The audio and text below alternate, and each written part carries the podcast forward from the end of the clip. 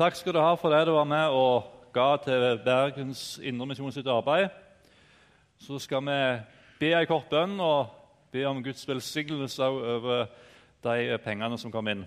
Herre Jesus, vi takker og priser deg for at du er her, og takk for det vi har fått lov til å være med på i dag. Både å få dåp og fått lov til å ta imot av ditt legeme og blod. og fått lov til å ære hverandre. Og takk for at vi har fått lov til å være med og gi til ditt rike. Og her, Jesus, nå har jeg lyst til å be deg for de midlene som kom inn, om at de må bli brukt til velsignelse for arbeidet i forsamlinga her. Til, til ære for ditt navn, Herre. Herre Jesus, det ber vi deg om. Og så ber jeg for det som jeg skal få lov til å dele her nå. Jeg ber om ditt nærvær, jeg ber om Din Hellige Ånd. Jeg ber om at du må møte oss i ditt navn. Amen. Vi har jo dette som jeg står her noen preker med utgangspunkt fra apostelgjerningen kapittel 9 og vers 31, eh, der det står om den første kristne menighet, om eh, at menigheten hadde nå fred over hele Judea, Galilea og Samaria. Den ble oppbygget og vandret i Herrens frukt og vokste ved Den hellige ånds hjelp. Jeg håper at eh, at du er nysgjerrig på Guds ord. Eh, det er iallfall sånn som jeg har det i, i, i mitt liv, at det, at det, er utrolig spennende å gå inn i Guds ord og med en åpen holdning og et åpent blikk og spørre hva er det egentlig du, Gud, sier i ditt ord. Og så har vi jo et sånn eh, Vi er jo lutheranere, da. Og Det er jo et sånn sitat fra Martin Luther som heter 'Skriften alene'. Og Er det noe som Bibelen da sier, eh, som kanskje vi ikke har registrert, så er det Bibelen som har forkjørsrett. Eh, for vi kan jo ha mange erfaringer, vi kan ha mange tradisjoner, vi kan ha mange tanker i våre egne liv. Men så kan vi møte av og til noe i Bibelen som kolliderer med det. Og da er det Bibelen som har forkjørsrett. Og Av og til kan det være en, en uh, god øvelse å lese Bibelen uten briller. Eh, nå mener jeg ikke at de som trenger briller for å lese Bibelen, men, men, men, men, for vi kan ha noen sånne briller vi tar på øynene våre når vi leser Bibelen, og så leser vi, leser vi Bibelen gjennom det vi har hørt, det vi har lest, det som er våre tradisjoner. Og så av og til ta av seg de brillene og så, og så si til Gud med en åpen bibel hva er det egentlig du sier oss i ditt ord. Og Da er det noen ting som eh, av og til kommer i et annet lys. Iallfall er det min erfaring. At Da er det av og til noen ting som står i Bibelen, som kommer i et annet lys. For en ser på det med et annet blikk. Hele Bibelen er en historie om en overnaturlig Gud. Ifra det første bladet til det siste bladet så handler egentlig hele Bibelen om en overnaturlig Gud. Um, den Gud som har altså Det er jo bare å tenke skapelsen sant? Det er jo noe overnaturlig greie. Hvem i all verden kunne få til noe slikt? Det er jo bare Gud som kan det. Og Les gjennom hele israelsfolket sin historie, alle de undere som skjedde der.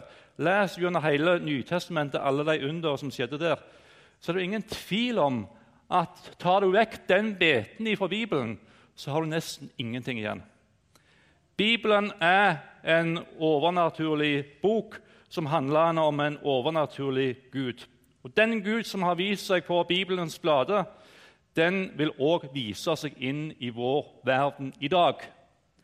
For Av og til så tror jeg vi Det virker av og til iallfall sånn at vi, vi leser alle disse flotte historiene gjennom Bibelen, og så liksom som om når vi kommer inn i 2016 Alt det som har med det overnaturlige å gjøre, det lukker en igjen.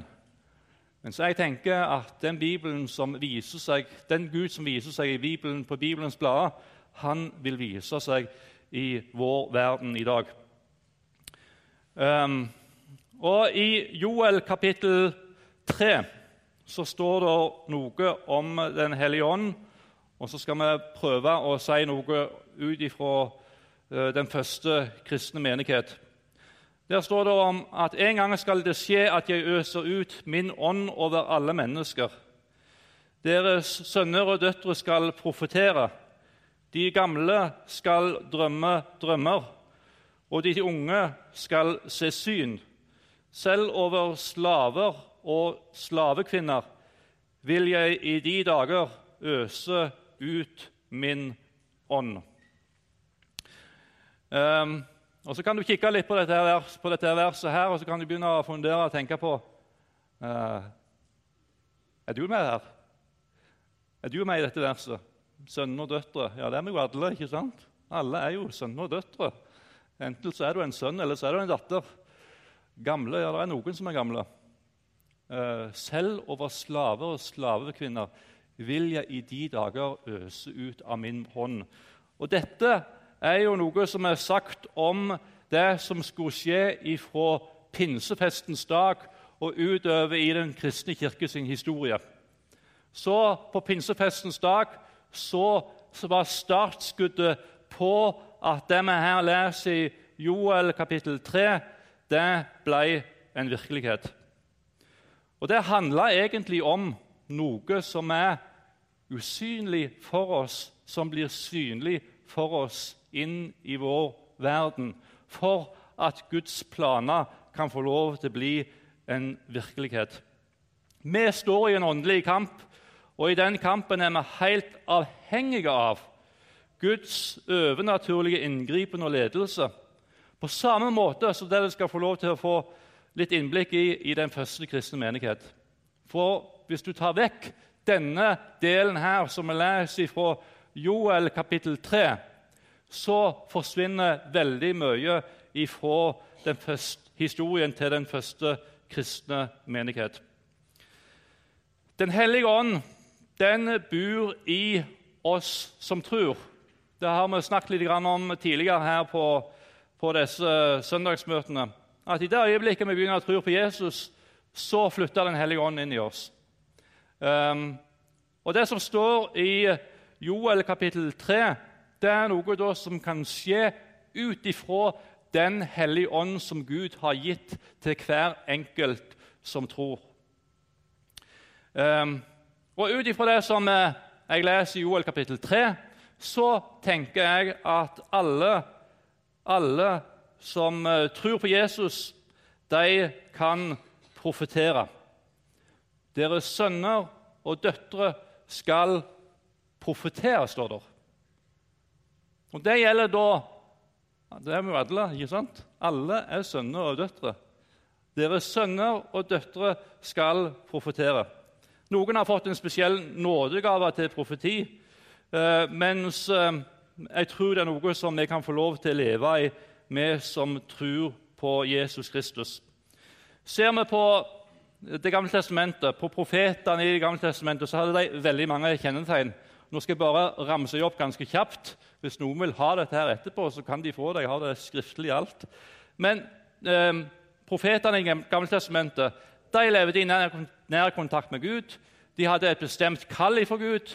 De formidla Guds ord på en sånn måte at det traff inn i menneskets liv. De formidla bilder av en ukjent framtid. En usynlig virkelighet ble synlig for dem sånn at Guds planer ble en virkelighet. De ble ledet på en overnaturlig måte, sånn at de kunne vinne seier over fienden. Profetene i Det gamle testamentet de sto i en særstilling. De hadde en direkte kontakt med Gud, og de kunne si 'Så sier Herren', og alt sammen stemte. Eh, betyr det at vi i dag kan framstå en, med samme autoritet som profetene i Gamle Testamentet. Eh, der vi kan si at så sier Herren, å komme med nye sannheter ved siden av Bibelen, som på en måte er like fot med Bibelen. Nei, det kan vi ikke. Profetene sitt budskap det er i så måte avslutta. Det er ingen som kan komme med nye åpenbaringer nye syner som en kan sette på sida av Bibelen og si at dette er noe som er på like fot med Bibelen.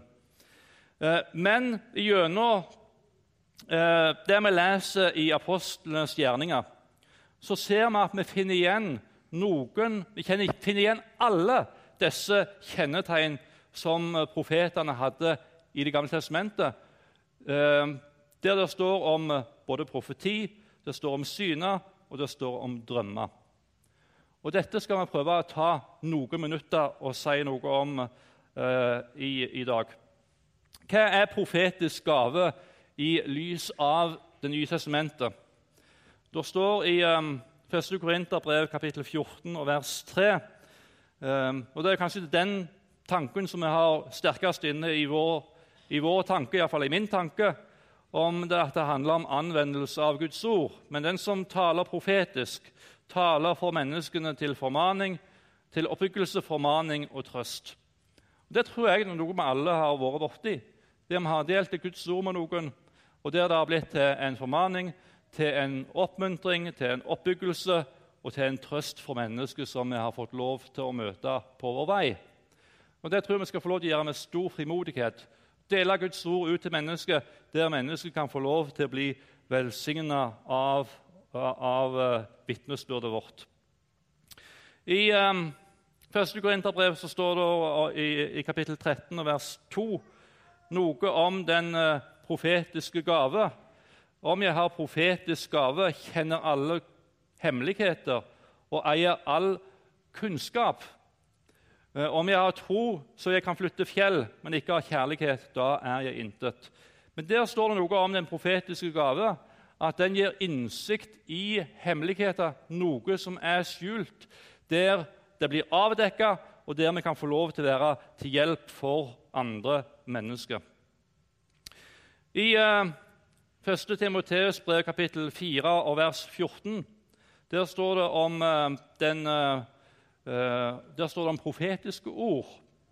Eh, forsøm ikke den nådegaven du har, den du fikk på grunnlag av profetiske ord, da Eldsterådet la sine hender på deg. Altså Det var Eldsterådet som la hendene på Timoteus, og i det øyeblikket så ble han utrusta med nye nådegaver gjennom profetiske ord. Og jeg tror at det er noe som jeg selv har opplevd i mitt eget liv. Um, der uh, jeg har vært i situasjoner der noen har lagt hendene på meg, og der de har sagt noe knytta til mitt liv, som jeg i dag kan si jeg har sett har blitt en virkelighet. Der jeg tror det skjedde en utrustning til nye nådegaver inn i mitt eget liv, og som jeg er djupt takknemlig til til, til Gud for. Um, I uh, Johannes kapittel 16 vers 13 uh, der står det noe om at, at de kommende ting skal han forkynne. Han skal ikke tale av seg selv, men det han hører, skal han tale. Og de kommende ting skal han forkynne dere. Altså, Den hellige ånd kan gi noen bilder av ei framtid som er ukjent.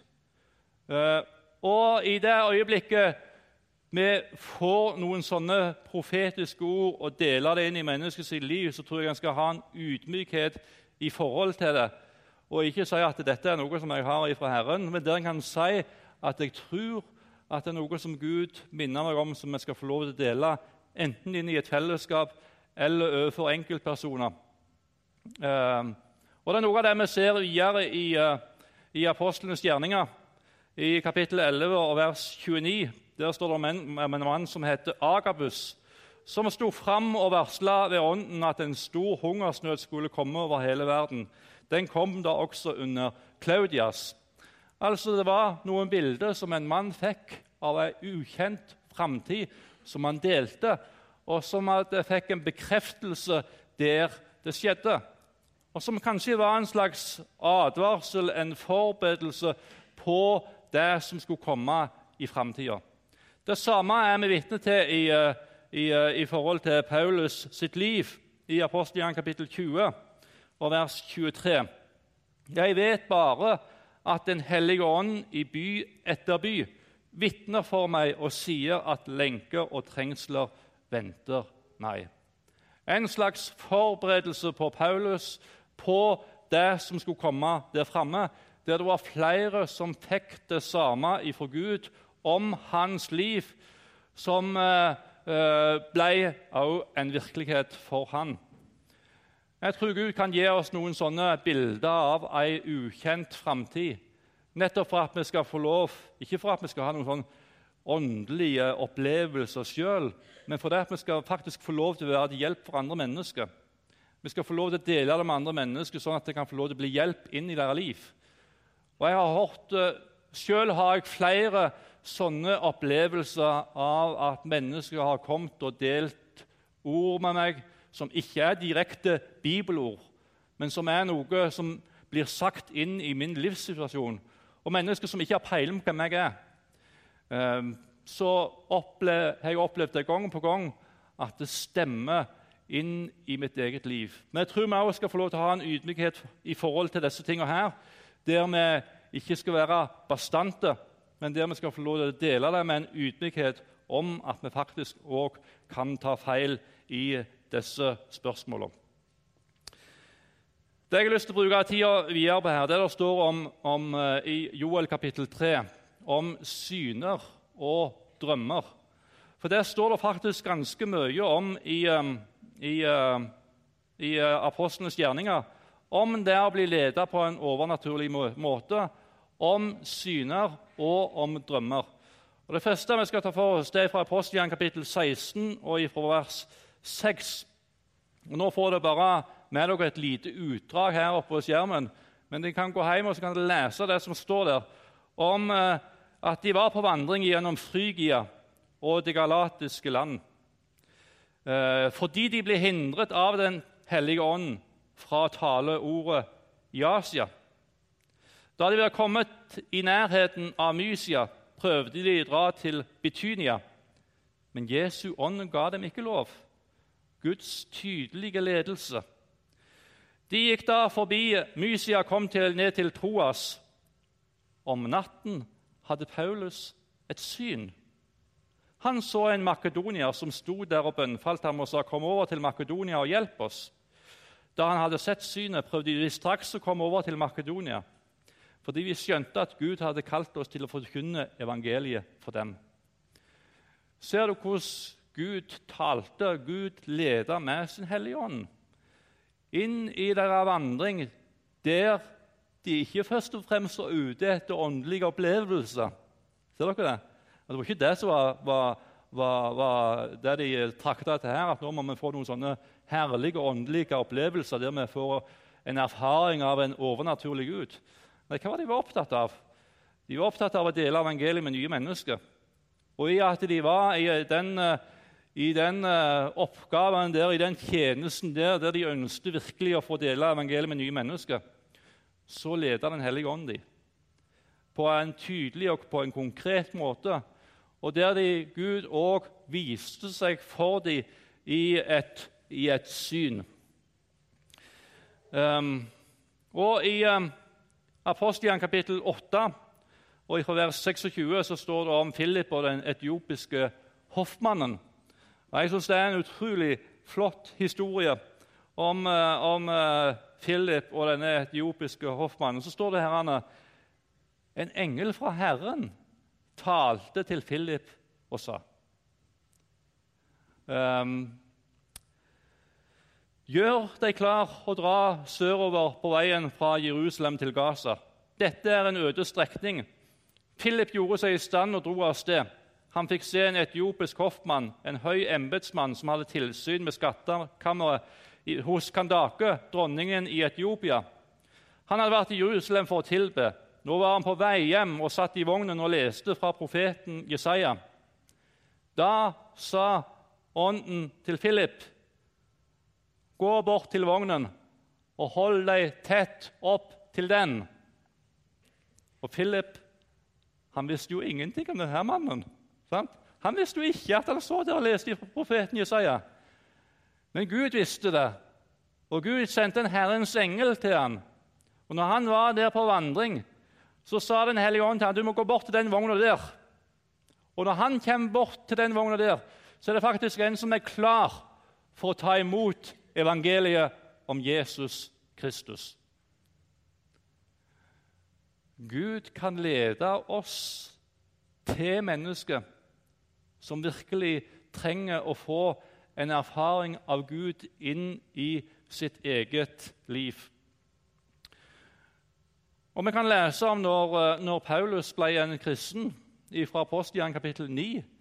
Der står det om at, eh, at, um, um, at Herren talte til Ananias i et syn. Og Så ser du her at det er en sånn, det er en sånn samtale mellom Herren og Ananias som resulterer til slutt at faktisk han går av gårde til denne mannen som forfulgte Guds menighet. Og hadde en, en, en overbevisning om at han var åpen og klar for å ta imot evangeliet om Jesus Kristus. Og så gikk han. Og så kjenner vi jo historien om Paulus som åpna sitt hjerte for, for Gud. Og så tenker jeg, Hvis du tar vekk denne beten her, tar vekk disse synene, tar vekk disse drømmene, tar vekk Guds overnaturlige ledelse inn i den første kristne menighet sitt liv, så er det mye av den første kristne menighet sitt liv som forsvinner. Du kan lese også i Apostelen kapittel 10 om Peter og Kornelius som hadde hvert sitt syn som stemte overens med hverandre. Um, og så har jeg lyst til å ta med et, et bibelvers til fra Lukas evangeliet kapittel 12, vers 12, om Den hellige ånd som kan gi oss ord i rette tid overfor mennesket. For Den hellige ånd skal lære dere i samme stund hva som er rett å si. Jeg tror at Den hellige ånd, jeg tror at Gud har full oversikt. Og Den hellige ånd den er jo på en måte Guds representant her nede på jorda, som bor i oss, som faktisk skal hjelpe oss til å dele evangeliet med nye mennesker. Som skal hjelpe oss når vi får lov til å dele evangeliet med nye mennesker, til å overbevise andre mennesker om at faktisk det som står i Bibelen, er sannhet. Og som også har full oversikt og full kontroll på hva for noen folk er det egentlig prater med. Hvem er de for noen? Hva som bor i hjertene deres?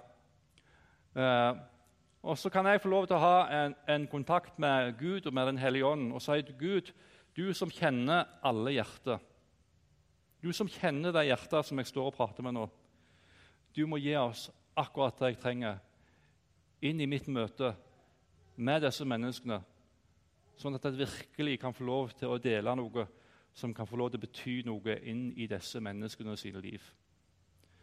Um, så når vi leser i Apostlenes gjerninger, så handler det om at det var noen mennesker som var tent i brann for Jesus, og som begynte å gå ut med evangeliet til nye mennesker.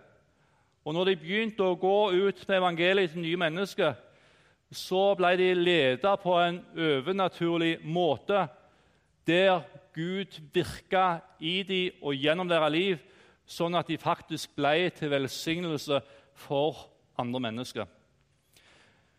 Det jeg her har delt med dere i dag Jeg har tatt en ganske kjapp gjennomgang, for vi har ikke så mye tid på dette møtet. det er så mange andre ting som skjer. De tingene som jeg har pratet om her i dag Hvis vi leser Bergens Indremisjon sin historie, hvis vi leser bedehushistorien, så finner vi utallige eksempel på at dette var noe som var en levende virkelighet i vår bevegelse. Jeg har hørt om mennesker som eh, som, eh, som, De snakket jo om minnelser. ikke sant? Eh, dere som er godt voksne, her, dere, dere kjenner til disse ordene. De snakket om at de ble så minnet om å gå til noen. Og jeg tenker Det handler om at de ble ledet av Gud på en overnaturlig måte. Der Gud sa noe inn i deres liv, og så gikk de. Noen som ble minnet om å gå inn i den gata der. Og så skulle de gå inn i den inngangen der, opp i den etasjen og inn den døra. Helt tydelig og konkret ledelse for Gud. Og I det øyeblikket de går inn den døra der, så er det et menneske som sitter inn forbi, som faktisk sitter der i nød for sin sjel, og som virkelig trenger å møte Jesus. Jeg har hørt om en historie fra, Nordhordland. Jeg var jo sånn kretsleder der i, i ti år. Eh, om en, en, kristen mann som var ute og rodde på sjøen. Og så ble han så han, han, fikk så, han, fikk det så, for seg. Har dere hørt det uttrykket? Han fikk det så for seg. Eh, han ble så minnet om at han skulle synge en sang sjøen. Han forsto ikke hva i all verden, hvorfor i all verden skal jeg gjøre det. for? Og Så setter han i gang og så synger han en sang hun på sjøen der.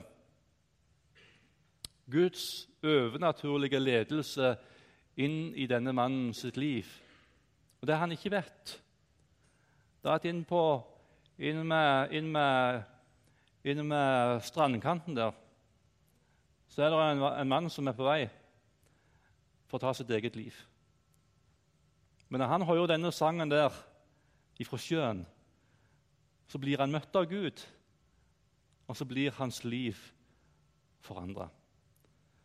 Um, jeg tror at vi trenger et sterkere nærvær av Den hellige ånd. Og kanskje det vi trenger å tenke på. For det jeg tror da, jeg tror ikke disse, disse tingene her kommer til oss hvis vi sitter i sofaen. Jeg tror ikke disse tingene her kommer til oss hvis vi ikke går ut med evangeliet. For Det er jo det vi ser i den første kristne menighet. At de, de, de gikk jo ut. sant? De var jo, de var jo, det var én ting som sto i hodet på dem. Var det ikke det? Det var for å dele evangeliet med nye mennesker. Det som jeg har fått i mitt hjerte og i mitt liv, det må jeg få dele med andre mennesker. Og når de begynte å bevege føttene sine ut i den verden der de skulle få lov til å dele evangeliet med nye mennesker, så var Den hellige ånd der. Og så var Den hellige ånd der og lede dem på en overnaturlig måte. Det de virkelig fikk det de trengte fra Gud i møte med alle disse menneskene her. Så jeg, Det jeg kjenner på for mitt eget liv, og det jeg kanskje kjenner på for for jeg, jeg, jeg tror jeg har en viss formening om at dette er kanskje ikke en sånn sterk del av vårt liv som vi leser om i apostelens gjerninger, det med å dele evangeliet med, med, nye mennesker. Og så kjenner jeg det for mitt liv, og så kjenner jeg det for vårt fellesskap sitt liv, at kanskje det vi trenger, det er å bevege oss og ta noen nye steg ut til disse menneskene som ikke kjenner Jesus, som vi virkelig kan få lov til å få en erfaring av hvem Gud er i våre egne liv. Jeg tror at vi trenger en, over, en åpenhet òg i vår egen liv. Det, med, det, jeg tenker på når de hadde, dette, når de hadde disse synene, og når de ble ledet av Den hellige ånd Når vi leser om hvordan Paulus ble ledet til Makedonia, så er det helt klart at han må ha hatt en sånn en, en sensitivitet for Guds ledelse. Og det som en trenger Hva er det vi trenger hvis vi skal lytte? Hva trenger du for noe, da? Hvis jeg skal høre på deg, Edith, sant? hva gjør jeg da? Ja, jeg setter meg ned. Og så heller jeg rett og slett kjeft. Jeg tier stilt. Og så spørs det hvor, hvor ofte er det vi da setter oss ned. Og så er vi faktisk ikke stille for Jeg tror vi av og til skal være stille for kona òg. Jeg tror vi skal være stille for vår ektemann. Jeg tror vi av og til skal være stille for våre barn. Vi har sånn lyttende øre, de som er i våre nære relasjoner. Men av og til så tror jeg òg om at vi skulle være stille for Herren. Der vi setter oss ned og der vi åpner ørene våre. Og så spør vi Gud. Ikke at han skal komme med nye sannheter på siden av Bibelen, men der vi spør Gud har du noe å si inn i mitt liv nå. Har du noe å si inn i mitt liv nå? Er det noen jeg skal få lov til å bety noe for? Er det noen makedoniere som jeg skal få lov til å dele evangeliet med? Er det noen av naboene mine som virkelig trenger at jeg deler evangeliet med dem? Er det noen av arbeidskollegene jeg skal få lov til å si noen ting til? Er det noen vi skal få lov til å yte en barmhjertighetsgjerning til? Sett deg ned. Vær stille for Herren. Åpne opp for at Han kan få lov til å tale inn i ditt liv. Det står i, Vi skal avslutte med, med eh, noe som står i første Tessalonikerbrev. Nå må jeg få sett meg her til hvert, og så må vi gå til en avslutning. Men det står i 1. Tessalonikerbrev, kapittel 1 og vers 5. For da vårt evangelium kom til dere, skjedde det ikke bare med ord, men også med kraft, ved Den hellige ånd og med full overbevisning. Dere vet selv hva vi gjorde hos dere. Vi tenkte bare på dere. Og fra 1. Korinterbrev kapittel 4, vers 20. For Guds rike består ikke i ord, men i kraft. Så vet jeg hva du skal ta med deg fra dette her møtet her i dag. Kanskje skal du ta med deg at det jeg trenger i mitt liv, det er faktisk å ha noen sånne stille stunder for Gud, der han lov, kan få lov til å tale inn i mitt liv. Kanskje skal du begynne å bevege føttene dine ut til mennesker som ikke kjenner Jesus, der du faktisk kan begynne å erfare noe av Den hellige ånds kraft i ditt liv. Jeg vil bare be ei bønn her nå til slutt. Herre Jesus Kristus, du vet, Herre, hvor, hvor, hvordan dette traff inn i folks liv. Du vet, Herre Jesus, hvor den enkelte er henne. Og Herre Jesus, jeg har bare lyst til å be, Herre, om at du må få lov til å gjøre ditt verk i mitt hjerte, i mitt liv og gjennom et liv til andre mennesker. Jeg har lyst til å be deg om at du må få lov til å gjøre ditt verk i hver enkelt sitt liv som, som sitter her i dag. Og be om at du kan få lov til å virke det du har tenkt.